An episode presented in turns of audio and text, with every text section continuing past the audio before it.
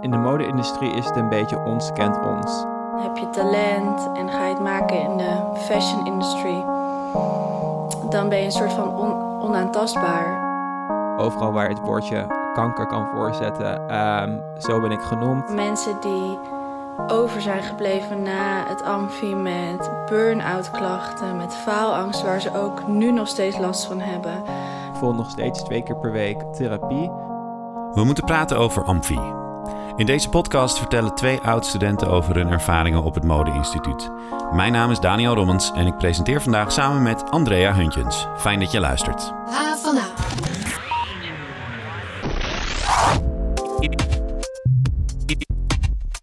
Opnieuw felle kritiek van studenten en oud-studenten aan het adres van het Amsterdam Fashion Instituut.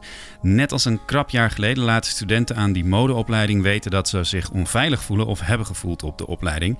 En dat had vorig jaar te maken met racisme op de opleidingen.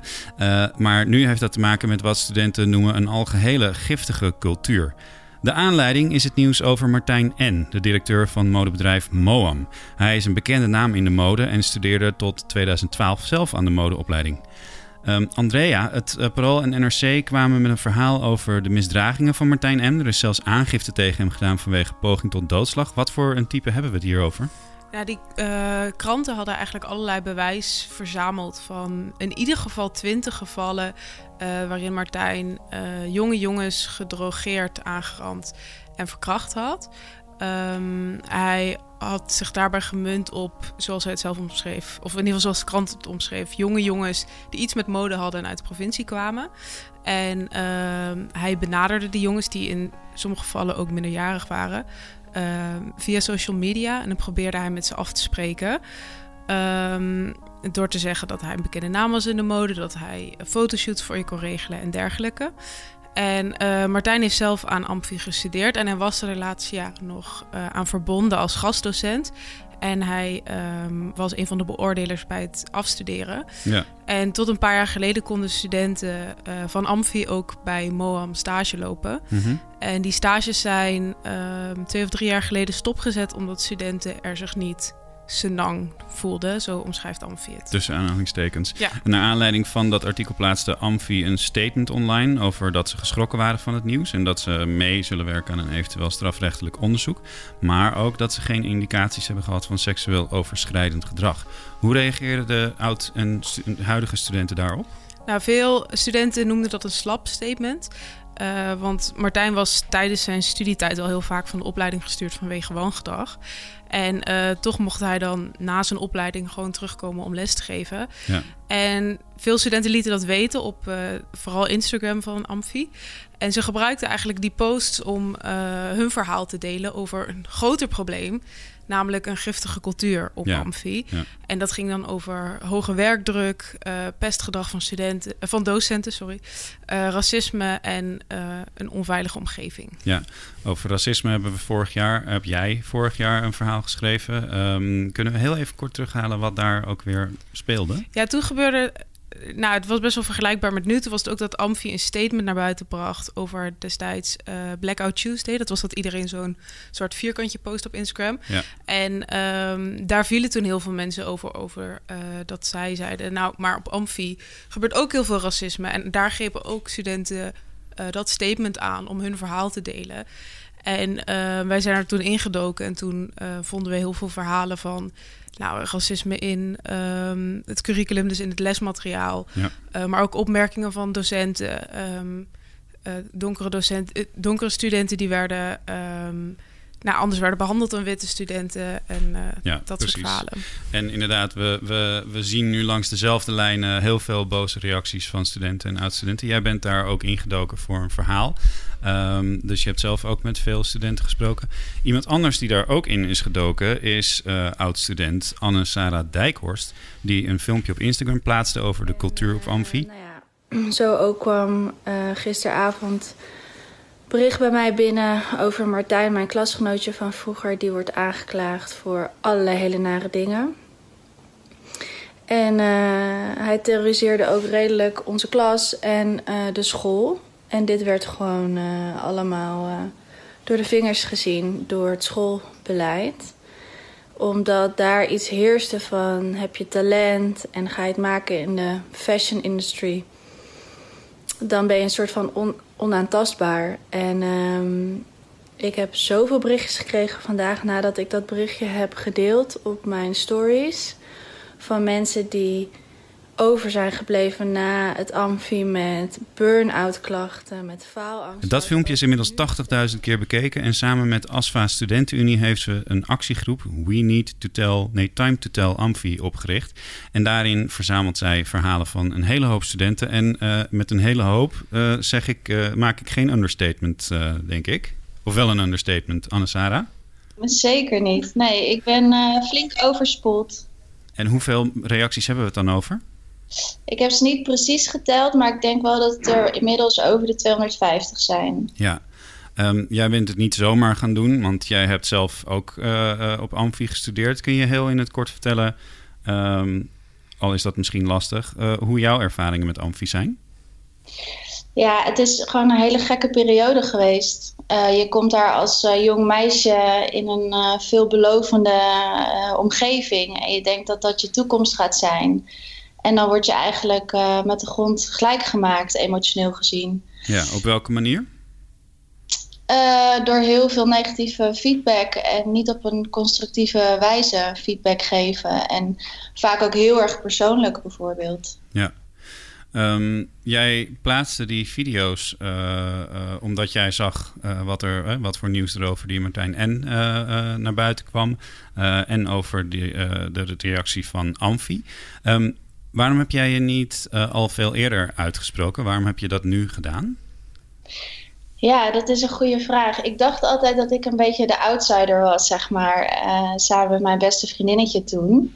En dat wij een beetje buiten hingen. En ik was eigenlijk gewoon na dat nieuws en na vooral het statement van Amfi heel erg benieuwd van... joh, waren er niet stiekem toch ook meer mensen? Maar dat het zoveel mensen waren, dat had ik uh, niet verwacht. Nee, en wat, wat hoor je dan uh, van mensen? Ja, echt verschrikkelijke dingen. Mensen die nog jaren in therapie zijn geweest, die nu nog steeds uh, kampen met hyperventilatie aanvallen, uh, depressie, uh, heel erg moeilijk vinden om op werk dingen echt voor elkaar te krijgen en echt voor zichzelf te gaan staan.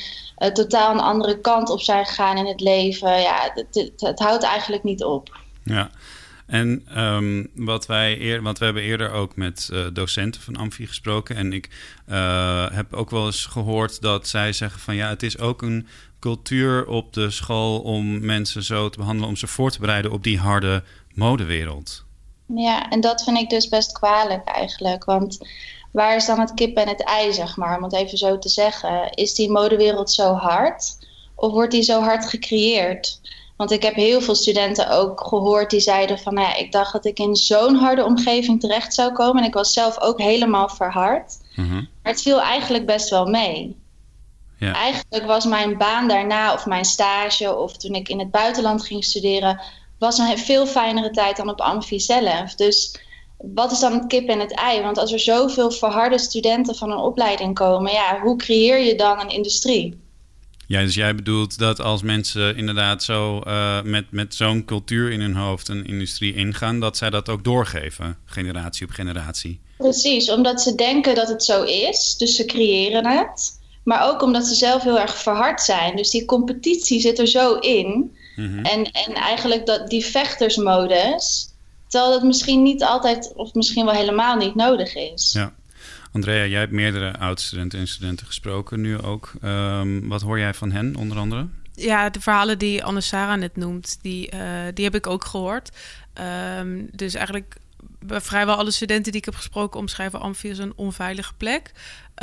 Um, dat, nou, dat ze werden gepest door docenten, dat je uh, klassikaal vernederd werd. Ja. Dat is een quote van iemand. Um, je had de feedbackmomenten, dat is een moment waarop jouw uh, product, jouw project beoordeeld werd. En dat was dan ja, waar de hele klas bij zat. Mm. En um, dat dat inderdaad, zoals Anne-Sara net ook al eventjes noemde, niet constructieve feedback was op je werk, maar persoonlijk werd. Dus ja. er werd gezegd, wat, wat doe jij hier? Waarom zit je eigenlijk al überhaupt op deze opleiding? Dit lijkt helemaal nergens op, dit ziet er niet uit. En um, ze noemde ook dat de werkdruk die je op Amfi hebt, dat dat heel erg geromantiseerd werd. Dus nachtenlang doorhalen, dat, ja, dat was iets wat je gewoon hoorde te doen.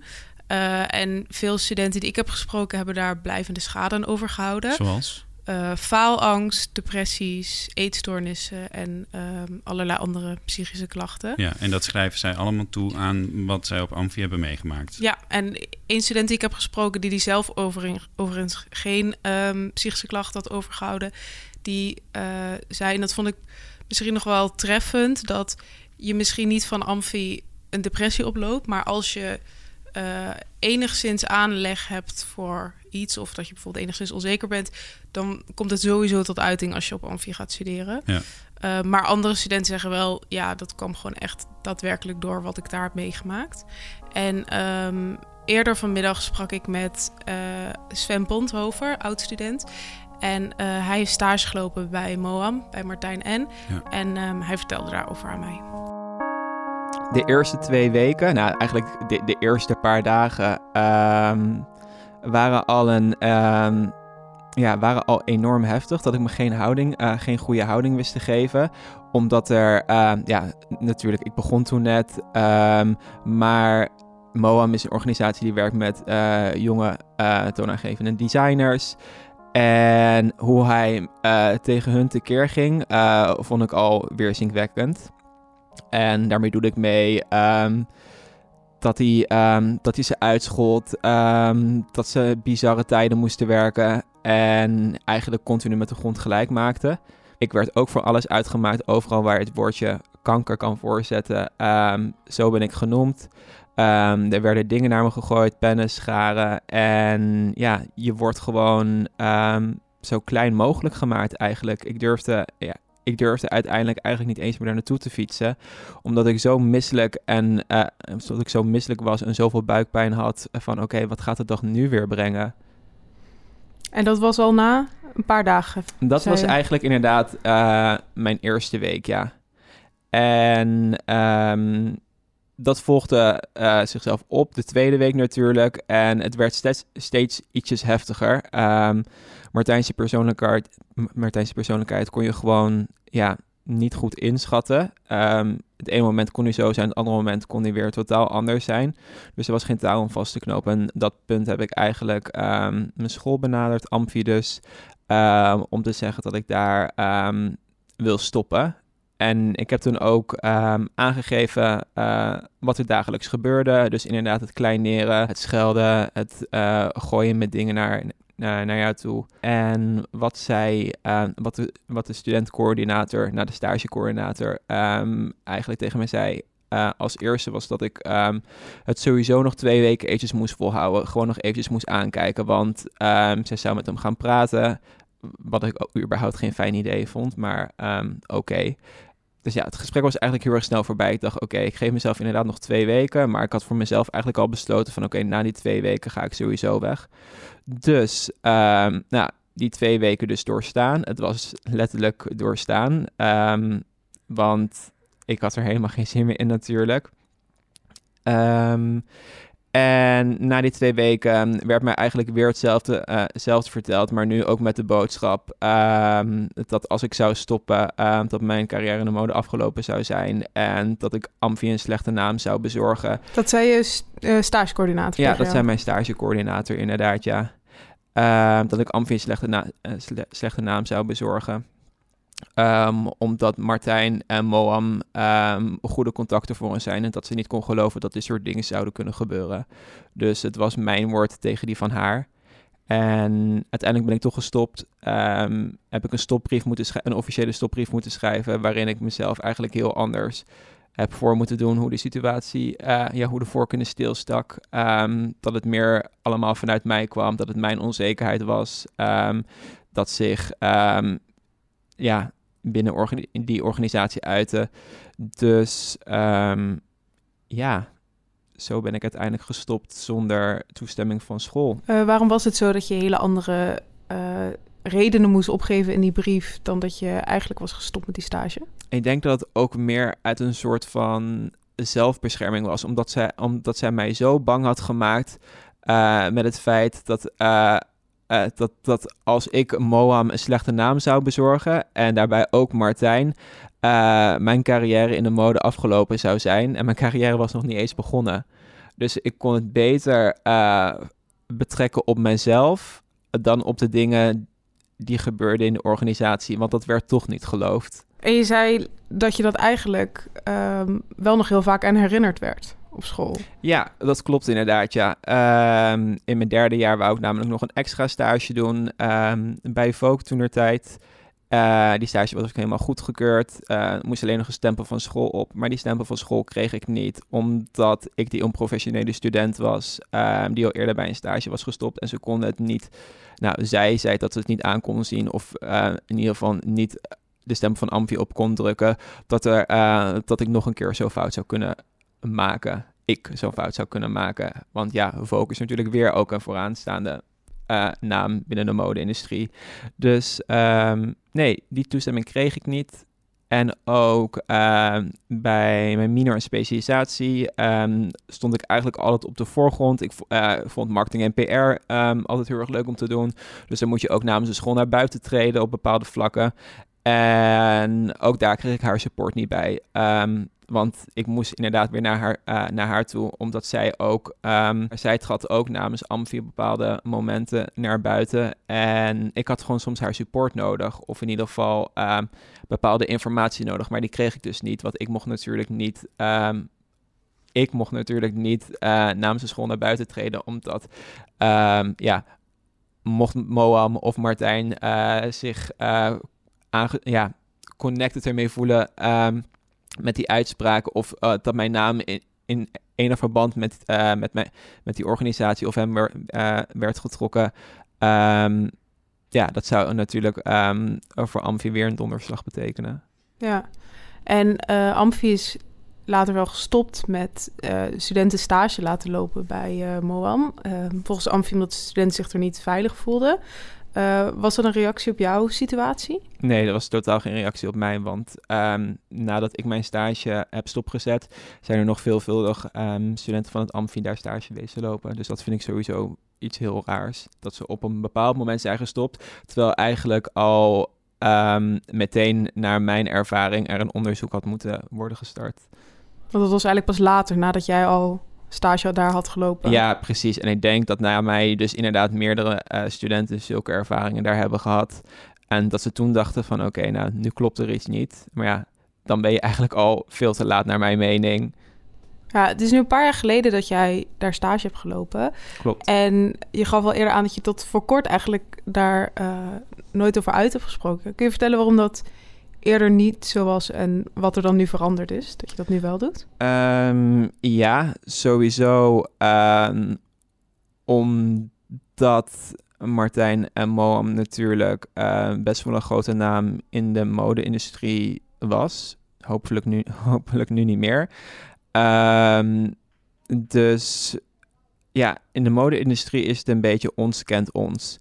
Dus uh, wanneer jij je negatief uitlaat over iemand en diegene staat eigenlijk boven jou of heeft meer macht dan jou, dan uh, is het, ja, ho hoef je eigenlijk maar met je vingers te knippen en de volgende persoon, um, ja, de, de dan kun je geen werk meer vinden eigenlijk. Ja, ja, ja, plat gezegd wel, ja. Ja. Dus het was ook een soort angst die je had om uh, Ja, dat was een doen. hele grote angst. Ik heb daar, ik heb daar tot voor kort echt met niemand over, uh, over durven praten. Ik heb een contract moeten tekenen toen ik, uh, toen ik daar wegging. En dat is trouwens, een, heb, ik, heb ik nooit digitaal toegestuurd gekregen. Um, waarin ik me inderdaad op geen enige wijze negatief mocht uitlaten. Omdat daar stond dan een geldboete op. Hoe kijk jij terug op je tijd bij Amfi? Ik ben gehersenspoeld. Uh, je blijft maar doorgaan, doorgaan, doorgaan. Je slaapt nachten niet. Um, er wordt op feedbackmomenten niet alleen feedback gegeven, maar ook um, ja, kritiek eerder op je gegeven. Het is, ja, ik wil, ik wil eigenlijk niet eens zeggen dat het feedback is. Uh, het is kritiek en ook vaak op persoonlijk vlak dat jij als persoon inderdaad niks kan en niks waard bent. Het is meer gericht op jou dan op het werk dat je hebt afgeleverd. Ja, ja precies. Dat kwam, dat kwam, best, wel, uh, dat kwam best wel geregeld voor, inderdaad. Ja. En zeker als je dan in jaar 1 zit en je krijgt dat allemaal naar je toe geworpen, uh, is dat best wel heftig. ik was dan gelukkig al wat ouder. Ik had al wel wat ervaringen op zitten. Maar um, alsnog, ja, dat gaat je niet in de koude kleren zitten. Dat kan je niet eventjes naast je neerzetten. Nee. Wat moet er volgens jou veranderen op Amfi? Um, wat er sowieso... Um, ja, ik... ik Sorry hoor. nee, dat is oké. Neem je tijd. Ik zou me gewoon um, gerespecteerd uh, willen voelen door inderdaad eh, het, het keiharde werk dat je, uh, dat, je continu, uh, dat je continu levert. En daar behoeft inderdaad echt niet alles goed te zijn, maar geef dan advies hoe het de volgende keer, hoe het, hoe het de volgende keer beter kan.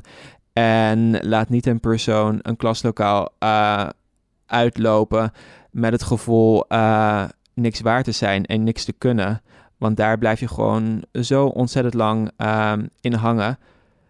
Ik had inderdaad um, heel vaak dat wanneer ik het klaslokaal uitliep, ik um, een week lang mijn werk niet aan kon, raken. Omdat ik continu geconfronteerd wordt, uh, werd uh, met de woorden die, die op dat moment tegen mij werden gezegd. Wat gewoon heel erg veel ja, mentale, mentale druk op je legt als persoon. Dus je wordt telkens geconfronteerd met het feit dat je misschien niet goed genoeg was? Ja, inderdaad. Niet goed, uh, niet goed genoeg was, niet creatief genoeg was. Um, wat ik überhaupt op die opleiding deed. Ja, dat. En je bent uh, inmiddels ben je afgestudeerd. Ja. Uh, je bent nu oud-student. Ben je er nog veel, want je spreekt je nu dus wel uit, dus ben je er nog veel mee bezig? Ook, ja, sowieso. Um, ik volg nog steeds twee keer per week um, therapie omdat ik um, sinds het amfi ook last heb van uh, angst- en paniekaanvallen met hyperventilatie. En ja, het is, is, misschien een beetje stom om dit nu te zeggen, maar um, ik heb ook heel veel moeite om een vaste positie uh, in de mode-industrie uh, te behouden. Ik switch eigenlijk heel snel van baan naar baan naar baan. En dan niet omdat niet omdat ik het niet leuk vind, maar omdat ik eigenlijk te onzeker ben over mijn denken en kunnen. Continu word ik weer geconfronteerd met het feit oké, ben ik inderdaad wel creatief genoeg? Um, zien, ze, uh, zien ze hoeveel tijd en energie ik er, uh, zien ze hoeveel tijd en energie ik erin instop? En um,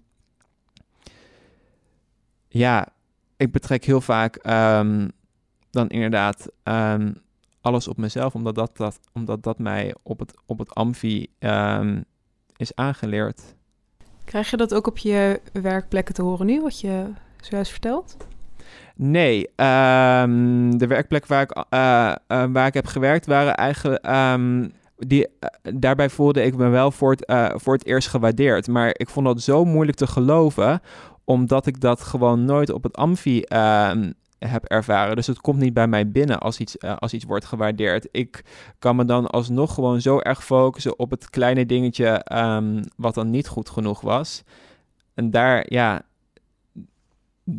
daar blijf ik dan in vasthangen. Heb je ook voor je tijd op Amfi um, last gehad van paniek of dat je onzeker was? Ik was sowieso wel um, op bepaalde vlakken inderdaad onzeker. Maar um, dat had niet echt betrekking op, um, op, mij, op, mijn, op mijn denken en kunnen. Ik kon altijd wel vertrouwen op, op wat ik deed. En ik was altijd gewoon een doorzetten, weet je. Uh, gewoon schouders eronder en gewoon, en gewoon gaan. We kunnen dit. Ik kan dit. Maar ik denk dat uh, ik bijna voor alle mensen die op het Amfi hebben gezeten uh, kan zeggen dat iedereen wel een bepaalde perfectionistische drang in zich heeft. Um, alleen dat wordt gewoon zo erg versterkt door eh, de hele omgeving um, waar je daarin zit en hoe je daarmee wordt geconfronteerd door de docenten. Tja, wat een verhaal. Andrea. Ja. Anne-Sara, uh, herken je hier veel van? Ja, ik vind het echt verschrikkelijk om te horen. Ja, zeker. Veel gelijkwaardige verhalen. Ja, en herken je ook uh, de, de, de klachten, zeg maar, die hij eraan over heeft gehouden? Ja, absoluut. En ik vind het heel pijnlijk om te horen, want weet je, je bent nog zo jong en je komt in zo'n omgeving terecht. En je zou jezelf daar ook kunnen ontwikkelen als een heel uniek individu en echt in jezelf kunnen gaan geloven. Want ik geloof echt dat er zoveel talent zit, juist bij die creatieve mensen. Mhm. En ja, dat, dat vervaagt gewoon helemaal. Dat is echt, dat ja, vind ik doodzonde. Ja. Heb jij zelf ook last van eh, eh, eh, dingen zoals, zoals die onzekerheden? Ja, zeker. Ik kan heel onzeker zijn, zeker als het projecten zijn die, die echt dicht bij mijn hart liggen. Eh, veel moeite om dingen de wereld echt in te brengen, bijvoorbeeld. Mhm. Ehm, en ik heb ook wel echt eh, moeite gehad met een bepaald soort hardheid, wat ik mezelf had aangemeten om ja, te overleven. En ik ben, ik ben echt mijn muur aan het afbreken. En, en echt durven kwetsbaar te zijn en durven over mijn gevoel te praten. Ja. Jij hebt ontzettend veel van dit soort verhalen eh, op je afgekregen eh, door die actiegroep die jij hebt, eh, bent gestart. Ehm, allereerst, lukt het je eigenlijk wel om op iedereen te reageren? Nou, het is nog steeds niet helemaal volbracht. Nee. Ik ben er nog mee bezig. Want het is natuurlijk allemaal.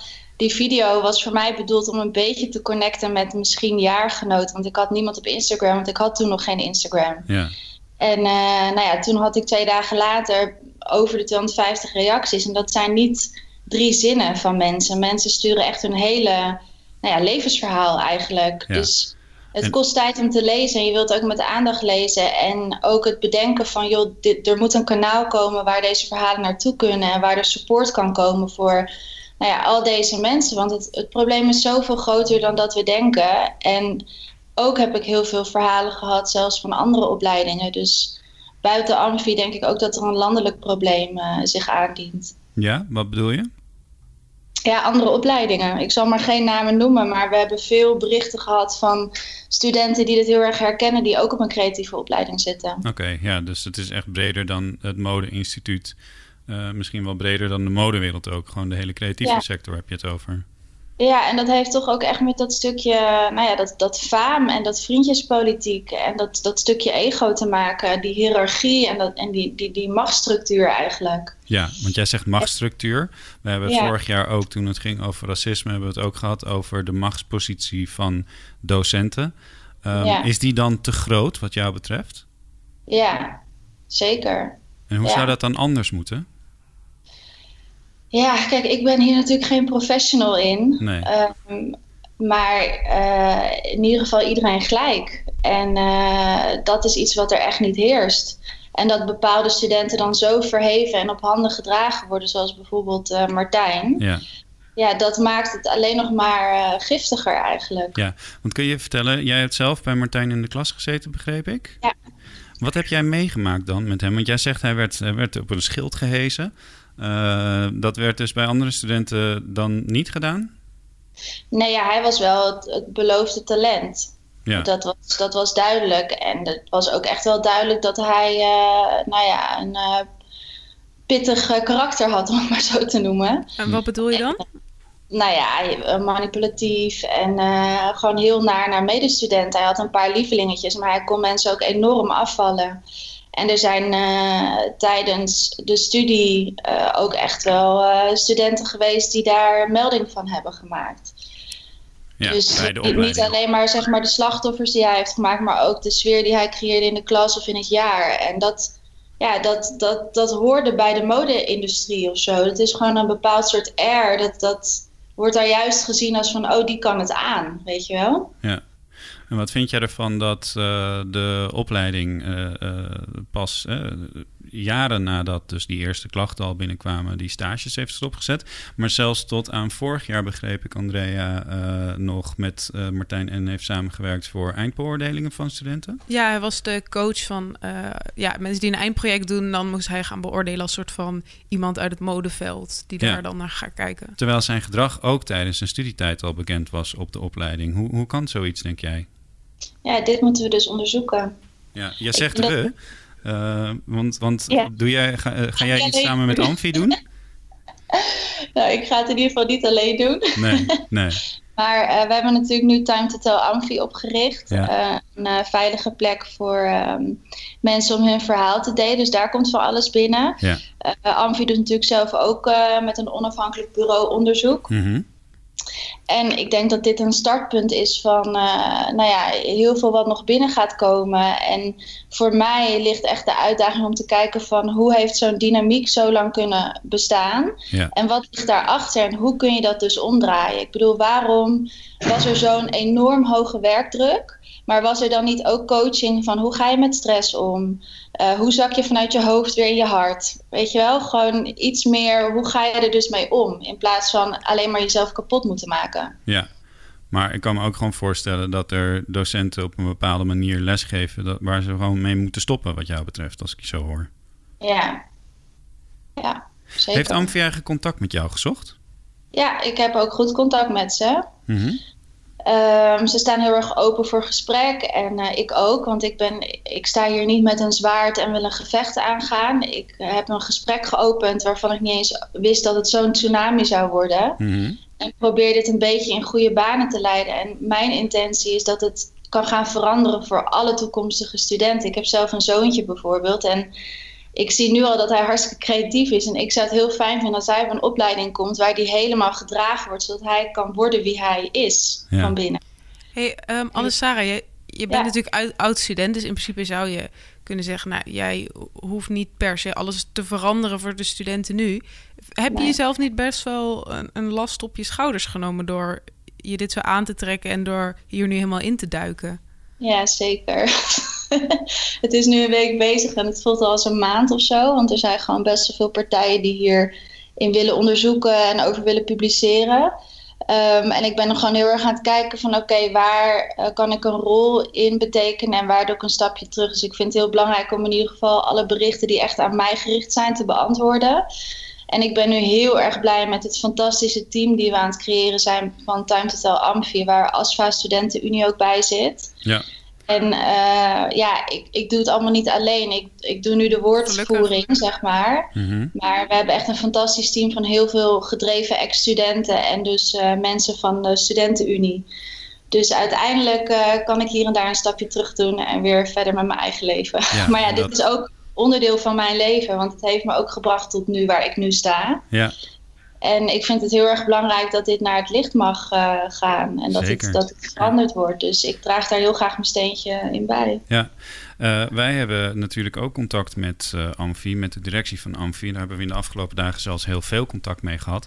Ze zouden aanvankelijk aan deze podcast meewerken, maar vanochtend kregen wij te horen van de directie dat zij zich alsnog terugtrokken. In plaats daarvan kregen we een schriftelijke reactie waarin Amfi laat weten via bestaande communicatiekanalen, zoals de website en hun eigen nieuwsbrieven, blijvend te informeren over de stand van zaken en de voortgang. En ik quote: eh, Hierbij worden gedurende het onderzoeksproces geen interviews gegeven, omdat zij er naar eigen zeggen alles aan willen doen om de integriteit van het onderzoek en de vertrouwelijkheid van de informatie optimaal te borgen. Eh, dat betekent dat Amfi dus ook niet reageert op individuele klachten en of incidenten. Verder hebben ze laten weten, wat wij ook al eerder melden, dat er een extern bureau is ingeschakeld om onderzoek te doen naar de cultuur. En is er een oproep gedaan aan studenten en oud-studenten en aan medewerkers om hun ervaringen te delen. En er is nog een taskforce ethiek en cultuur opgericht en de klachtenprocedure is versimpeld. Dat was hem wat betreft Amfi. Uh, Ja. Voor nu, totdat het onderzoek dus uh, gedaan is. Uh, Andrea, jij hebt nog een aantal studenten gesproken vandaag. Um, en daar gaat een telefoon. Ja, dat was die van mij. Andrea, de studenten die jij uh, ook vandaag nog hebt gesproken, hoe reageren zij daarop? Um, wisselend. Ik heb even gepeild bij hen um, hoe zij erover dachten. En aan de ene kant um, snapten sommige studenten wel dat Amfi denkt... oké, okay, we, we, nemen even een stapje terug en we gaan even het onderzoek zijn loop uh, laten gaan. Ja. Uh, maar er waren ook wel studenten die dat eigenlijk een beetje, en dit quote ik nu, laf noemden. En zeiden, nou, dit is een, weer een moment dat je niet aan je studenten vertelt... wat je aan het doen bent, waarom je aan het doen bent... en reageert op uh, ja, op hun verhalen. En Ja. daardoor lijkt het alsof het niet uh, de allerhoogste prioriteit heeft. Hoe kijk jij daar tegenaan, Sarah? Ja, ik vind het heel erg lastig om daarover te oordelen. Dat doe ik liever ook niet. Uh, maar ik snap wel dat studenten nu zoiets hebben van... ja, maar er gebeurt nu van alles en uh, wat dan? Ja. Dus ik begrijp die reactie heel erg goed. Ja. Uh, en verder is de keuze aan hun. Zij zijn ermee bezig op hun eigen manier. En dat ze ermee bezig zijn vind ik al fijn. Ja, in ieder geval een begin. Ja, precies. Ja. Um, ik uh, ga jou heel veel succes wensen bij het beantwoorden van alle berichten die je hebt gekregen. Ja, en uh, dat is ook vast niet uh, gemakkelijk om die allemaal te lezen als je er zoveel in herkent. Um, nee. Het lijkt een beetje een dooddoener om dit zo te zeggen, Andrea, maar we zijn hier nog lang niet over uitgepraat. Nee, zeker niet. Dit gaat zeker nog uh, terugkomen op onze site en uh, in misschien nog wel een podcast. Uh, sowieso als dat onderzoek straks klaar is. Dank voor het luisteren. Vind je dit een leuke podcast? Laat dan een beoordeling achter op iTunes of Spotify. En heb je een vraag of een opmerking of wil jij jouw verhaal over Amfi met Andrea delen? Neem dan contact met ons op via sociale media of stuur een e-mail naar havana.hva.nl. Uh, mogen mensen jou ook persoonlijk mailen? Ja, dat kan. Dat kan op andrea.folia.nl. En folia is F-O-L-I-A. Ja, dat is nog uh, een reliquie uit een ver verleden van een tijd dat we nog met de UvA samen waren. Volgende week zijn we er weer en tot die tijd houden we je dagelijks op de hoogte van al het nieuws en de verhalen op de campus. En dat doen we op havana.nl en natuurlijk op alle sociale media. Tot volgende week. Dank. Geen enkele podcast meer missen? Check dan Havana in je favoriete podcast-app.